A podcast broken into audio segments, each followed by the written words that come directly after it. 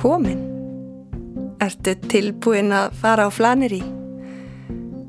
Ertu hér? Í Kópavogi? Eða likur þau kannski bara heima upp í sófa? Við skulum hefja ferðalægið við enda regnbúans. Já, ef hann er hérna en þá, en ég á við tröppurnar á milli bókasapsins og salarins. Hérna stoppar strætó.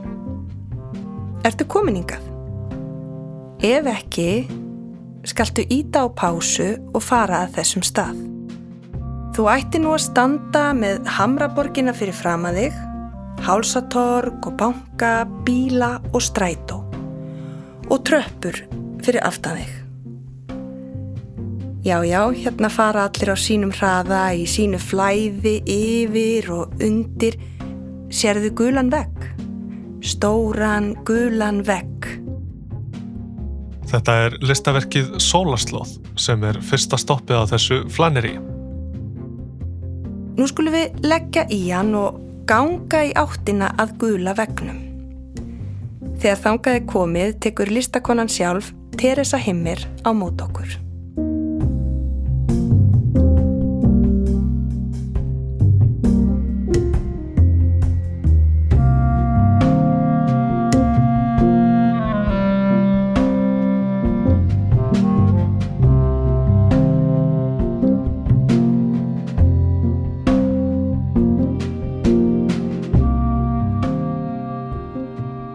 Gula málningin, hún er venjuleg vegamálningu. Þetta eru svona ral lítir sem er ákveði lítarkerfi, oft notað í svona tæknilega samhengi.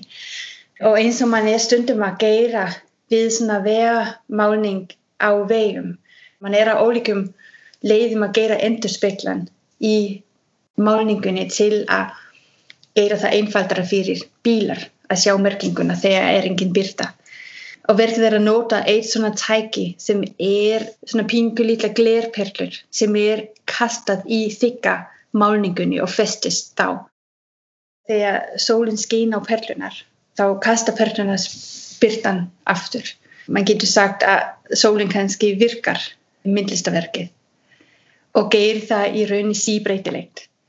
Þannig eftir því hvernig veðurinn einmitt er, hversu mikið sól eða ekki, þá kemur það ólíkt út en líka ólíkt út með því hvernig áhorfatinn er að horfa að því að endurspeglan hún myndist í samspil, í samtalið í raunni á milli sólinn og auðað personan sem er blífa verkið.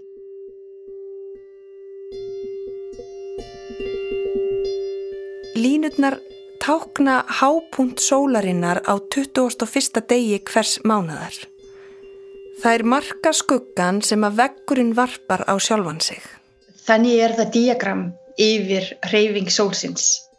Á sama tíma þá er málningin vegamálningu og minnir okkur á þessi konkréta staður sem við erum staðsett á, sem er ofan á brú, það sem umferðin er að flæða í kringum undir og yfir brúin. Það tengist þessi tvo hreyfingar saman, stóra kosmiska hreyfingin sólsins sem er síindur tekinn og stjórnar uh, á mörguleiti bara ritma lífsins í stærri samhengi og síðan hverstags hreyfingunni sem er bílar og rútur og strætó og mótohjól og alls konar sem eru kannski bara á leiðinni í vinnu eða skullast í heimsók fram og tilbaka í kringum verkið. Þessi punktalínur eru að teikna upp sólinn og er þannig kannski að reyna að festa augnablík í flæði hverstagsins einhvern veginn.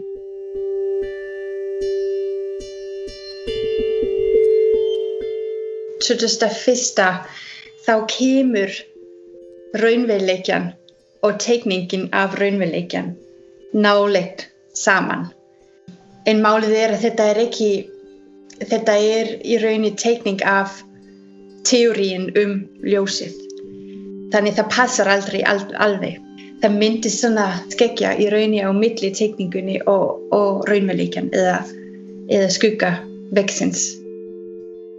En hvenar ætli sér best að njóta verksins? auðvitað er flott og glambrandi og glansandi þegar sólinn kemur beint á en ég held í raunni að það er meiri hvernig það breytist á ólíkum dögum að það er kannski það sem það kallar mest á. Kannski allavega það sem ég, mér finnst það mest áhugavert en það er náttúrulega bara hver má náttúrulega bara njóta það eins og þau langar og eins og þeim finnst skemmtilegast.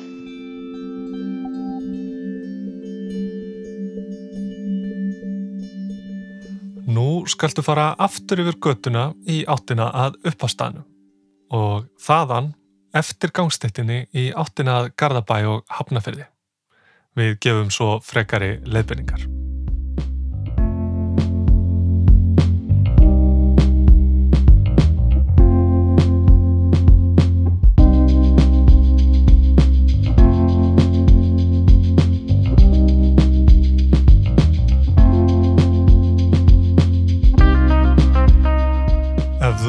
Lítur í áttina að Reykjavík sérðu kannski höggmynd eftir gerði Helgadóttur sem stendur á ringtorkinu í miðri umferðar eðunni. Þú getur heimsóttana í lokgöngu þú vilt.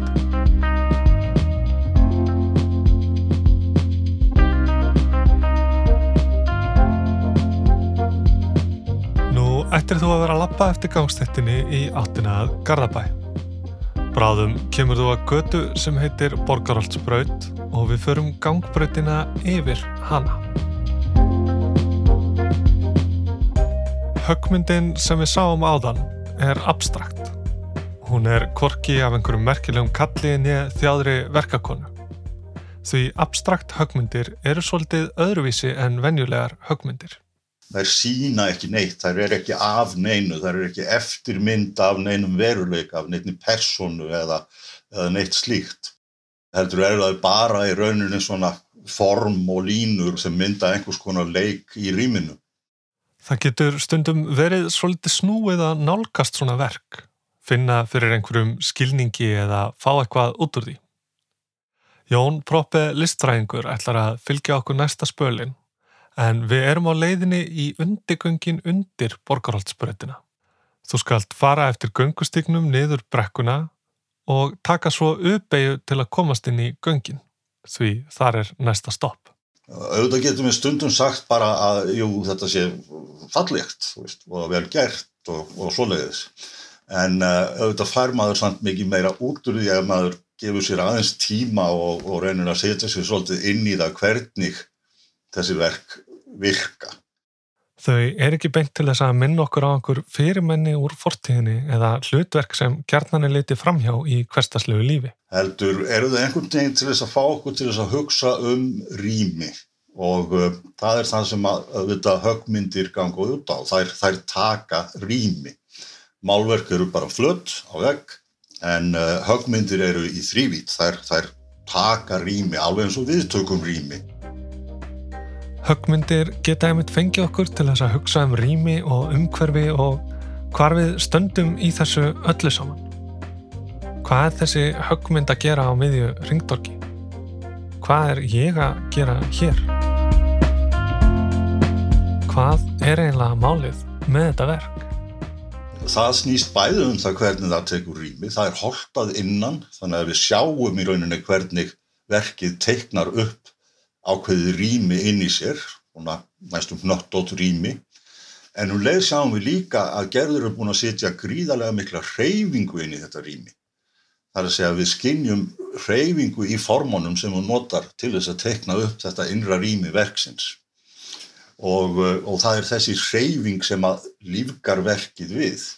Höggmyndir eru þó ekki eina listformið sem fær mann til að velta umhverfinu svo litið fyrir sér.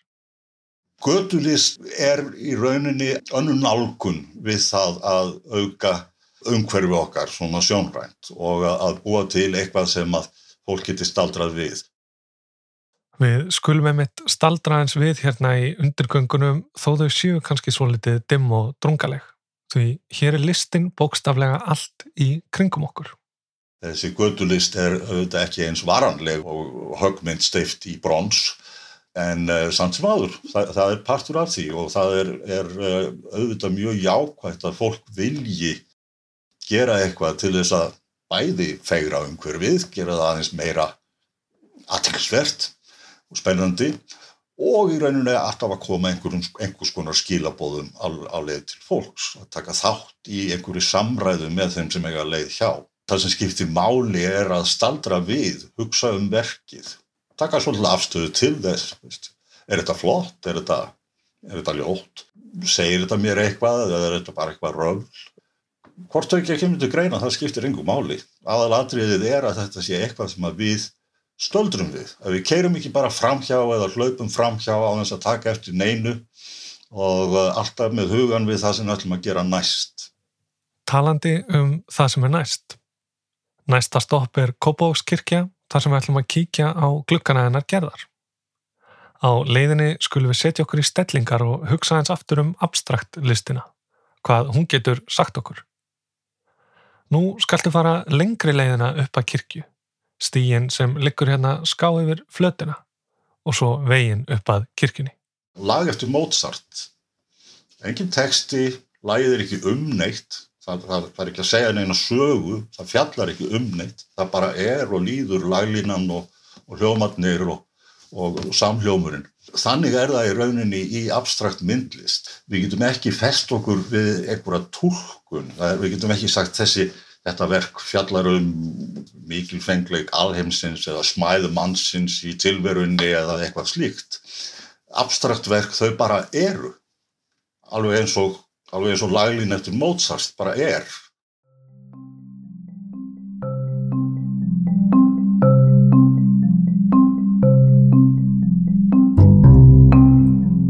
Úr Alþýðublaðinu, júni 1964. Kópáskirkja flegir engum turni í heiminin blá. Hún þarðast ekki til að vera falleg og sérkennileg, hörður húsameistari hefur séð fyrir því. En henni hefur líka verið valið sæti á fegursta stað í Kópavogi. Á ávalri klettahæð horfir vítt um. Mættu margar kirkjur öfunda hana af staðsetningunni.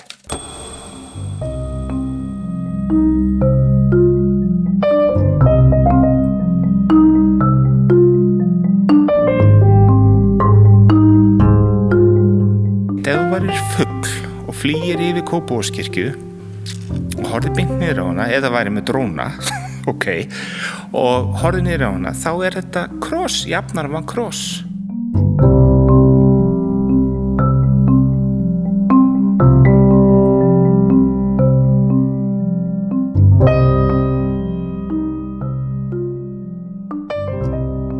Ég man eftir því að ég hef verið svona fjagra fimm ára. Og ég er að ganga með henni ömmu minni niður að hábraut við stöndum fyrir fram að kirkina og hún stoppar aðeins og hún bendir á kirkina og hún segir ása mín, veistu það? Við eigum þess að glugga. Við leiti upp á kirkina og sá gluggana sem ég fannst ótrúlega fallegir og ég man eftir því að í hjartanu var ég svo stolt og ánað yfir því að ég og amma ættum saman þessa glugga.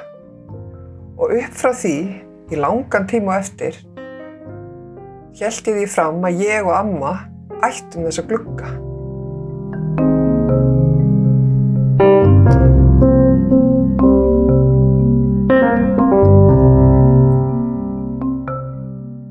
Í raun og veru var amma að vísa í það samt að hvern félag Kópavóks hafi sapnað fyrir þessum gluggum og allir kópósbúar tóku þátt í söfnunni og það var talað um það að allir sem gáttu lagt eitthvað að mörgum höfðu gefið fjegi í söfnunna.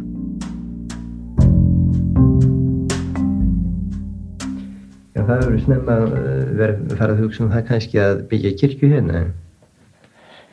Já, það var nú ekki margir náttúrulega, það var nú konar svona sæbúlu, hún, hún var nú hérna með það fyrstu sem að var að sapna í kirkjurkjók hérna til ég var nú ekkert í því og ég var nú alltaf mótalinn því. Því mér fannst að vera annað meira þegar þetta ganga fyrir þetta er kirkjubyggingu. Og mér finnst að yfirleitt vera vera voðarlega að ránt að að leggja mikla pening í það.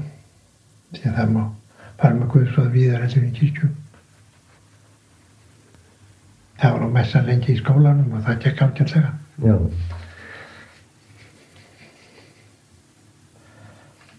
Og þessi skólahús, þetta er þetta fína byggingar að það er engi skam að fara með guðstól í þeim.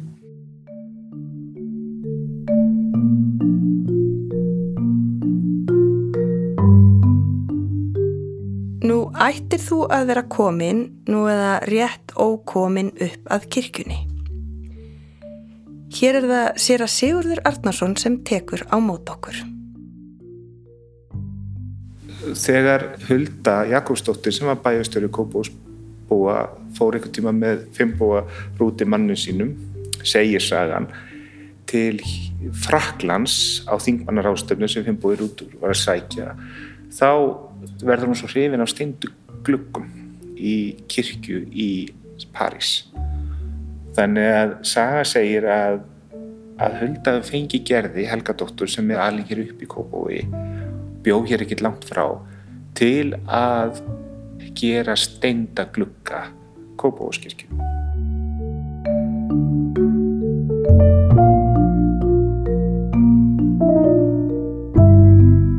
Þegar sólinn skýn í gegnum gluggana, það er bara eins og það er bara lítið samspil sem er ekkert að lýsa. Og ég er búin að þjóna hérna frá 2009 og ég er alltaf að sjá eitthvað nýtt. Og, og þið heyrið alveg hvað ég verði uppnuminn þegar ég segja frá þessu. Og það má ég að segja á mótnana þegar sólinn og byrtan fyrir að koma þá er eins og gluggarnir vakni. Og þeir vakna mismundi tímum og þeir vakna mismundi hátt. Á kvöldin til dæmis á Jónsmessunni eða í kringum í, í júni og ef byrtan er það mikil þá er hér þvílík líta samsending að það er ekkert að lýsa henni og kirkjan verður ekki síðu falleg þegar, þegar við slökkum all ljósin og þá horfum við á þetta líta samspil sem er engu líkt En dýrðin sérst ekki svo glatt að utan. Að utan eru gluggarnir sofandi. Við skulum samt ganga hérna hringin með sér að sigurði og leifonum að sína okkur tákn og liti í gluggunum. Við skulum byrja norðan megin á þeirri hlið sem að snýrað esjunni og perlunni.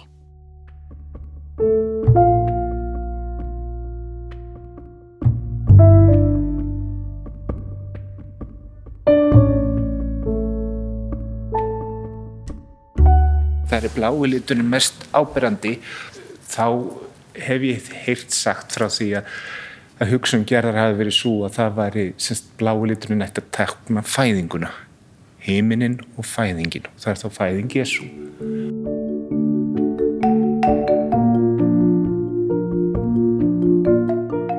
Við göngum réttsælis að austurliðinni.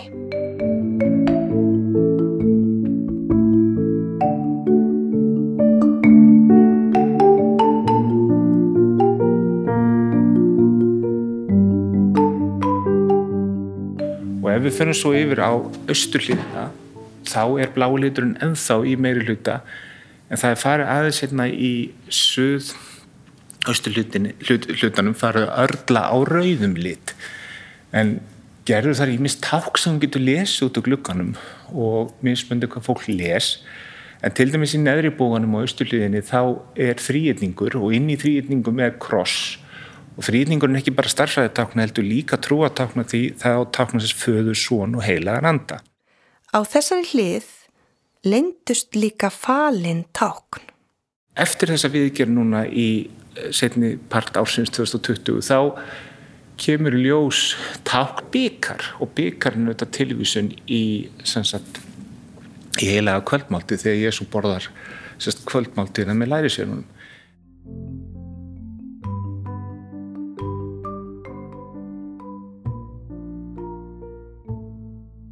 Við skulum rölt okkur að söðurliðinni.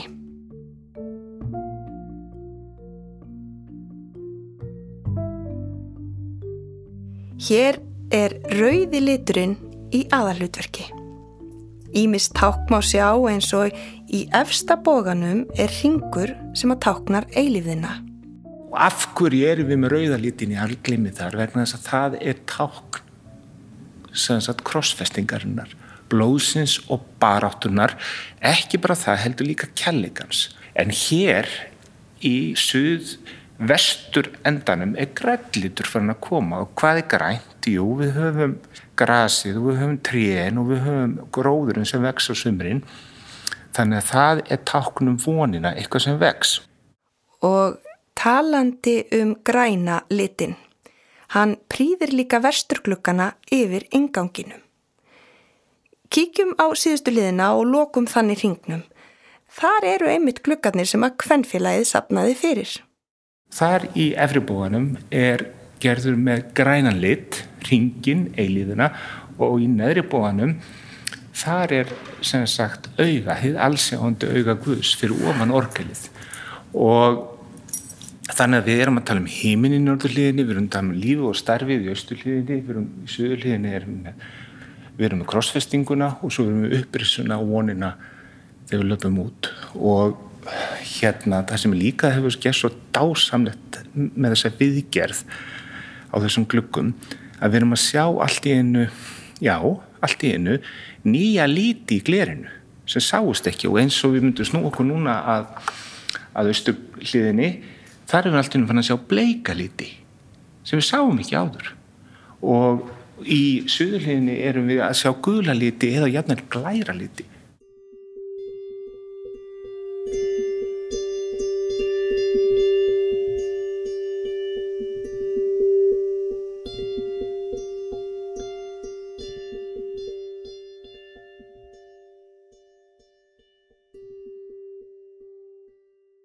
Gluggarnir voru settir í þegar kirkjan var byggð á árunum 1958 til 1962 en það ár var hún vígð. Við skulum fara í smá ferðalag aftur í tíman að meðan við göngum niður í holdið og stoppum aðeins þar til að fá nýtt sjónarhorn á kirkjuna. Það er stígur hérna fyrir framann ingangin. Serðu hann? Við skulum ganga eftir honum. Það skiptir ekki öllum máli hversu langt þú ferð, þú ræður.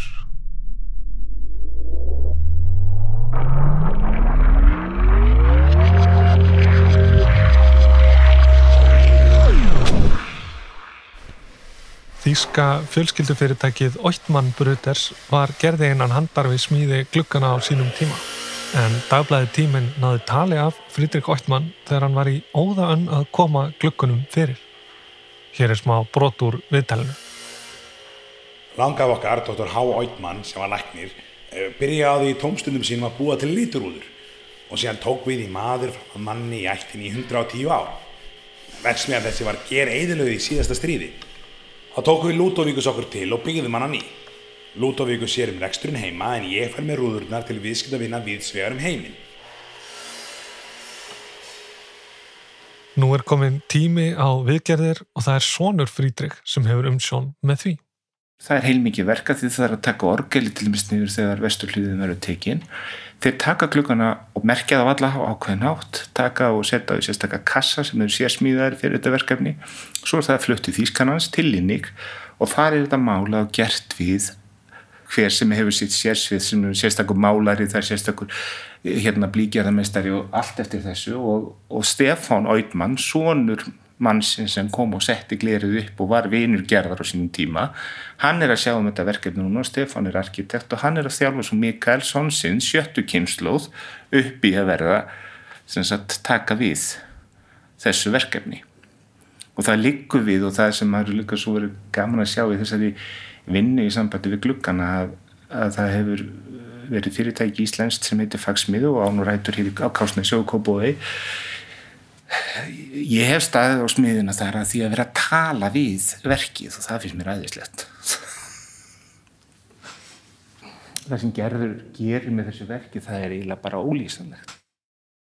Þú ser rauðalitin og ringin og þú ser svo grænalitin þegar þú ert að lappa út á ringin og augað þegar, sem sagt, en nú erum við slökku öll ljós nefnum að neða ljósin inn í kirkini nú serðu þetta miklu betur. Og hvað þá þegar byrtan er komin og þú horfið bara á öll ljósbrotinu, þú farð bara að lita dýr sko Gulur, gæður, gætn og bláð svættu, hvítu fjólu, bláð Hérðan máttu ganga hvert sem þú vilt.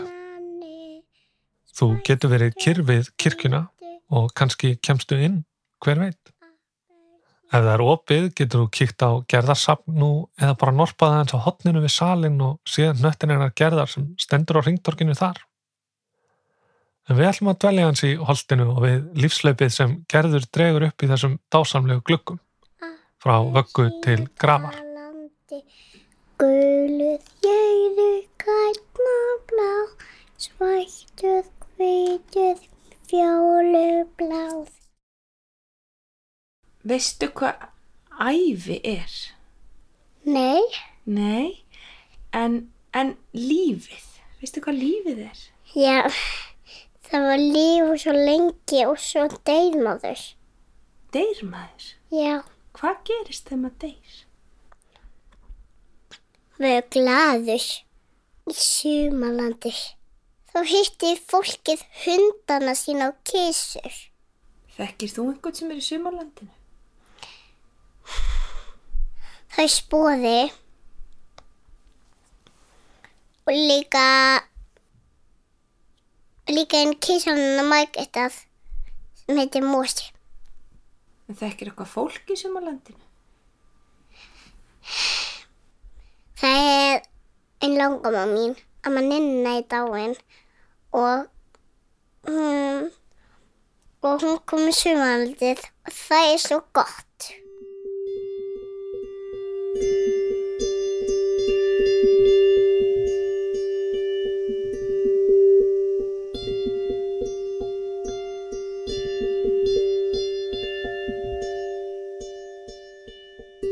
Dag stendur gerðasafn akkurat á þeim stað þar sem ég og amma stoppuðum á leiðinni niður Hábrönd.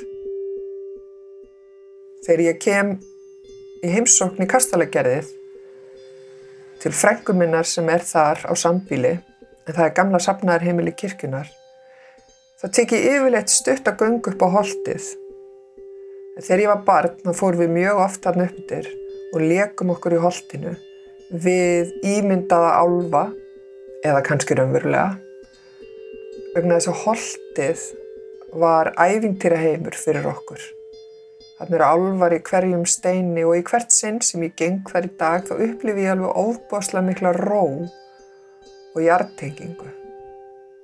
Það holtið er eins og heilagur staður í miðjum Kópavogi.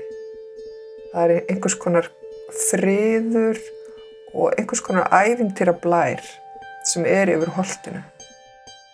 Ég tek dóttur mína stundum með mér í dag í gönguferðum holtið og þá erum við yfirleitt að leita að álfum, einhverju merkjum álfa eða stundum sjáum við kannski spor eftir dverga. Það er ákveðið svona, það er ákveðið svona ævintýra ljómi og einhver svona dölúð yfir holtinu sem að hérna einhvern veginn hefur ekkert breyst finnst mér. Mér finnst það að vera eins og í minningunni.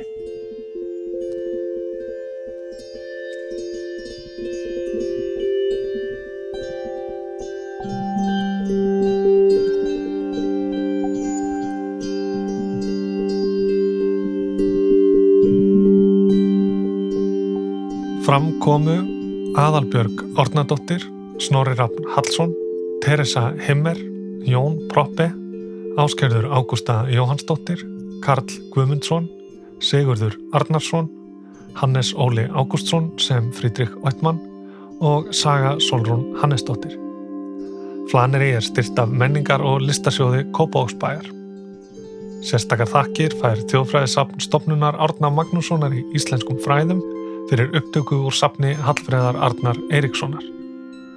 Flaneri skipa Aðalbjörg Arnardóttir, Elisabeth Jónsdóttir, Ranveig Bjarnadóttir og Snorri Rapp Hallsson. Tónlist Blue Dot Sessions.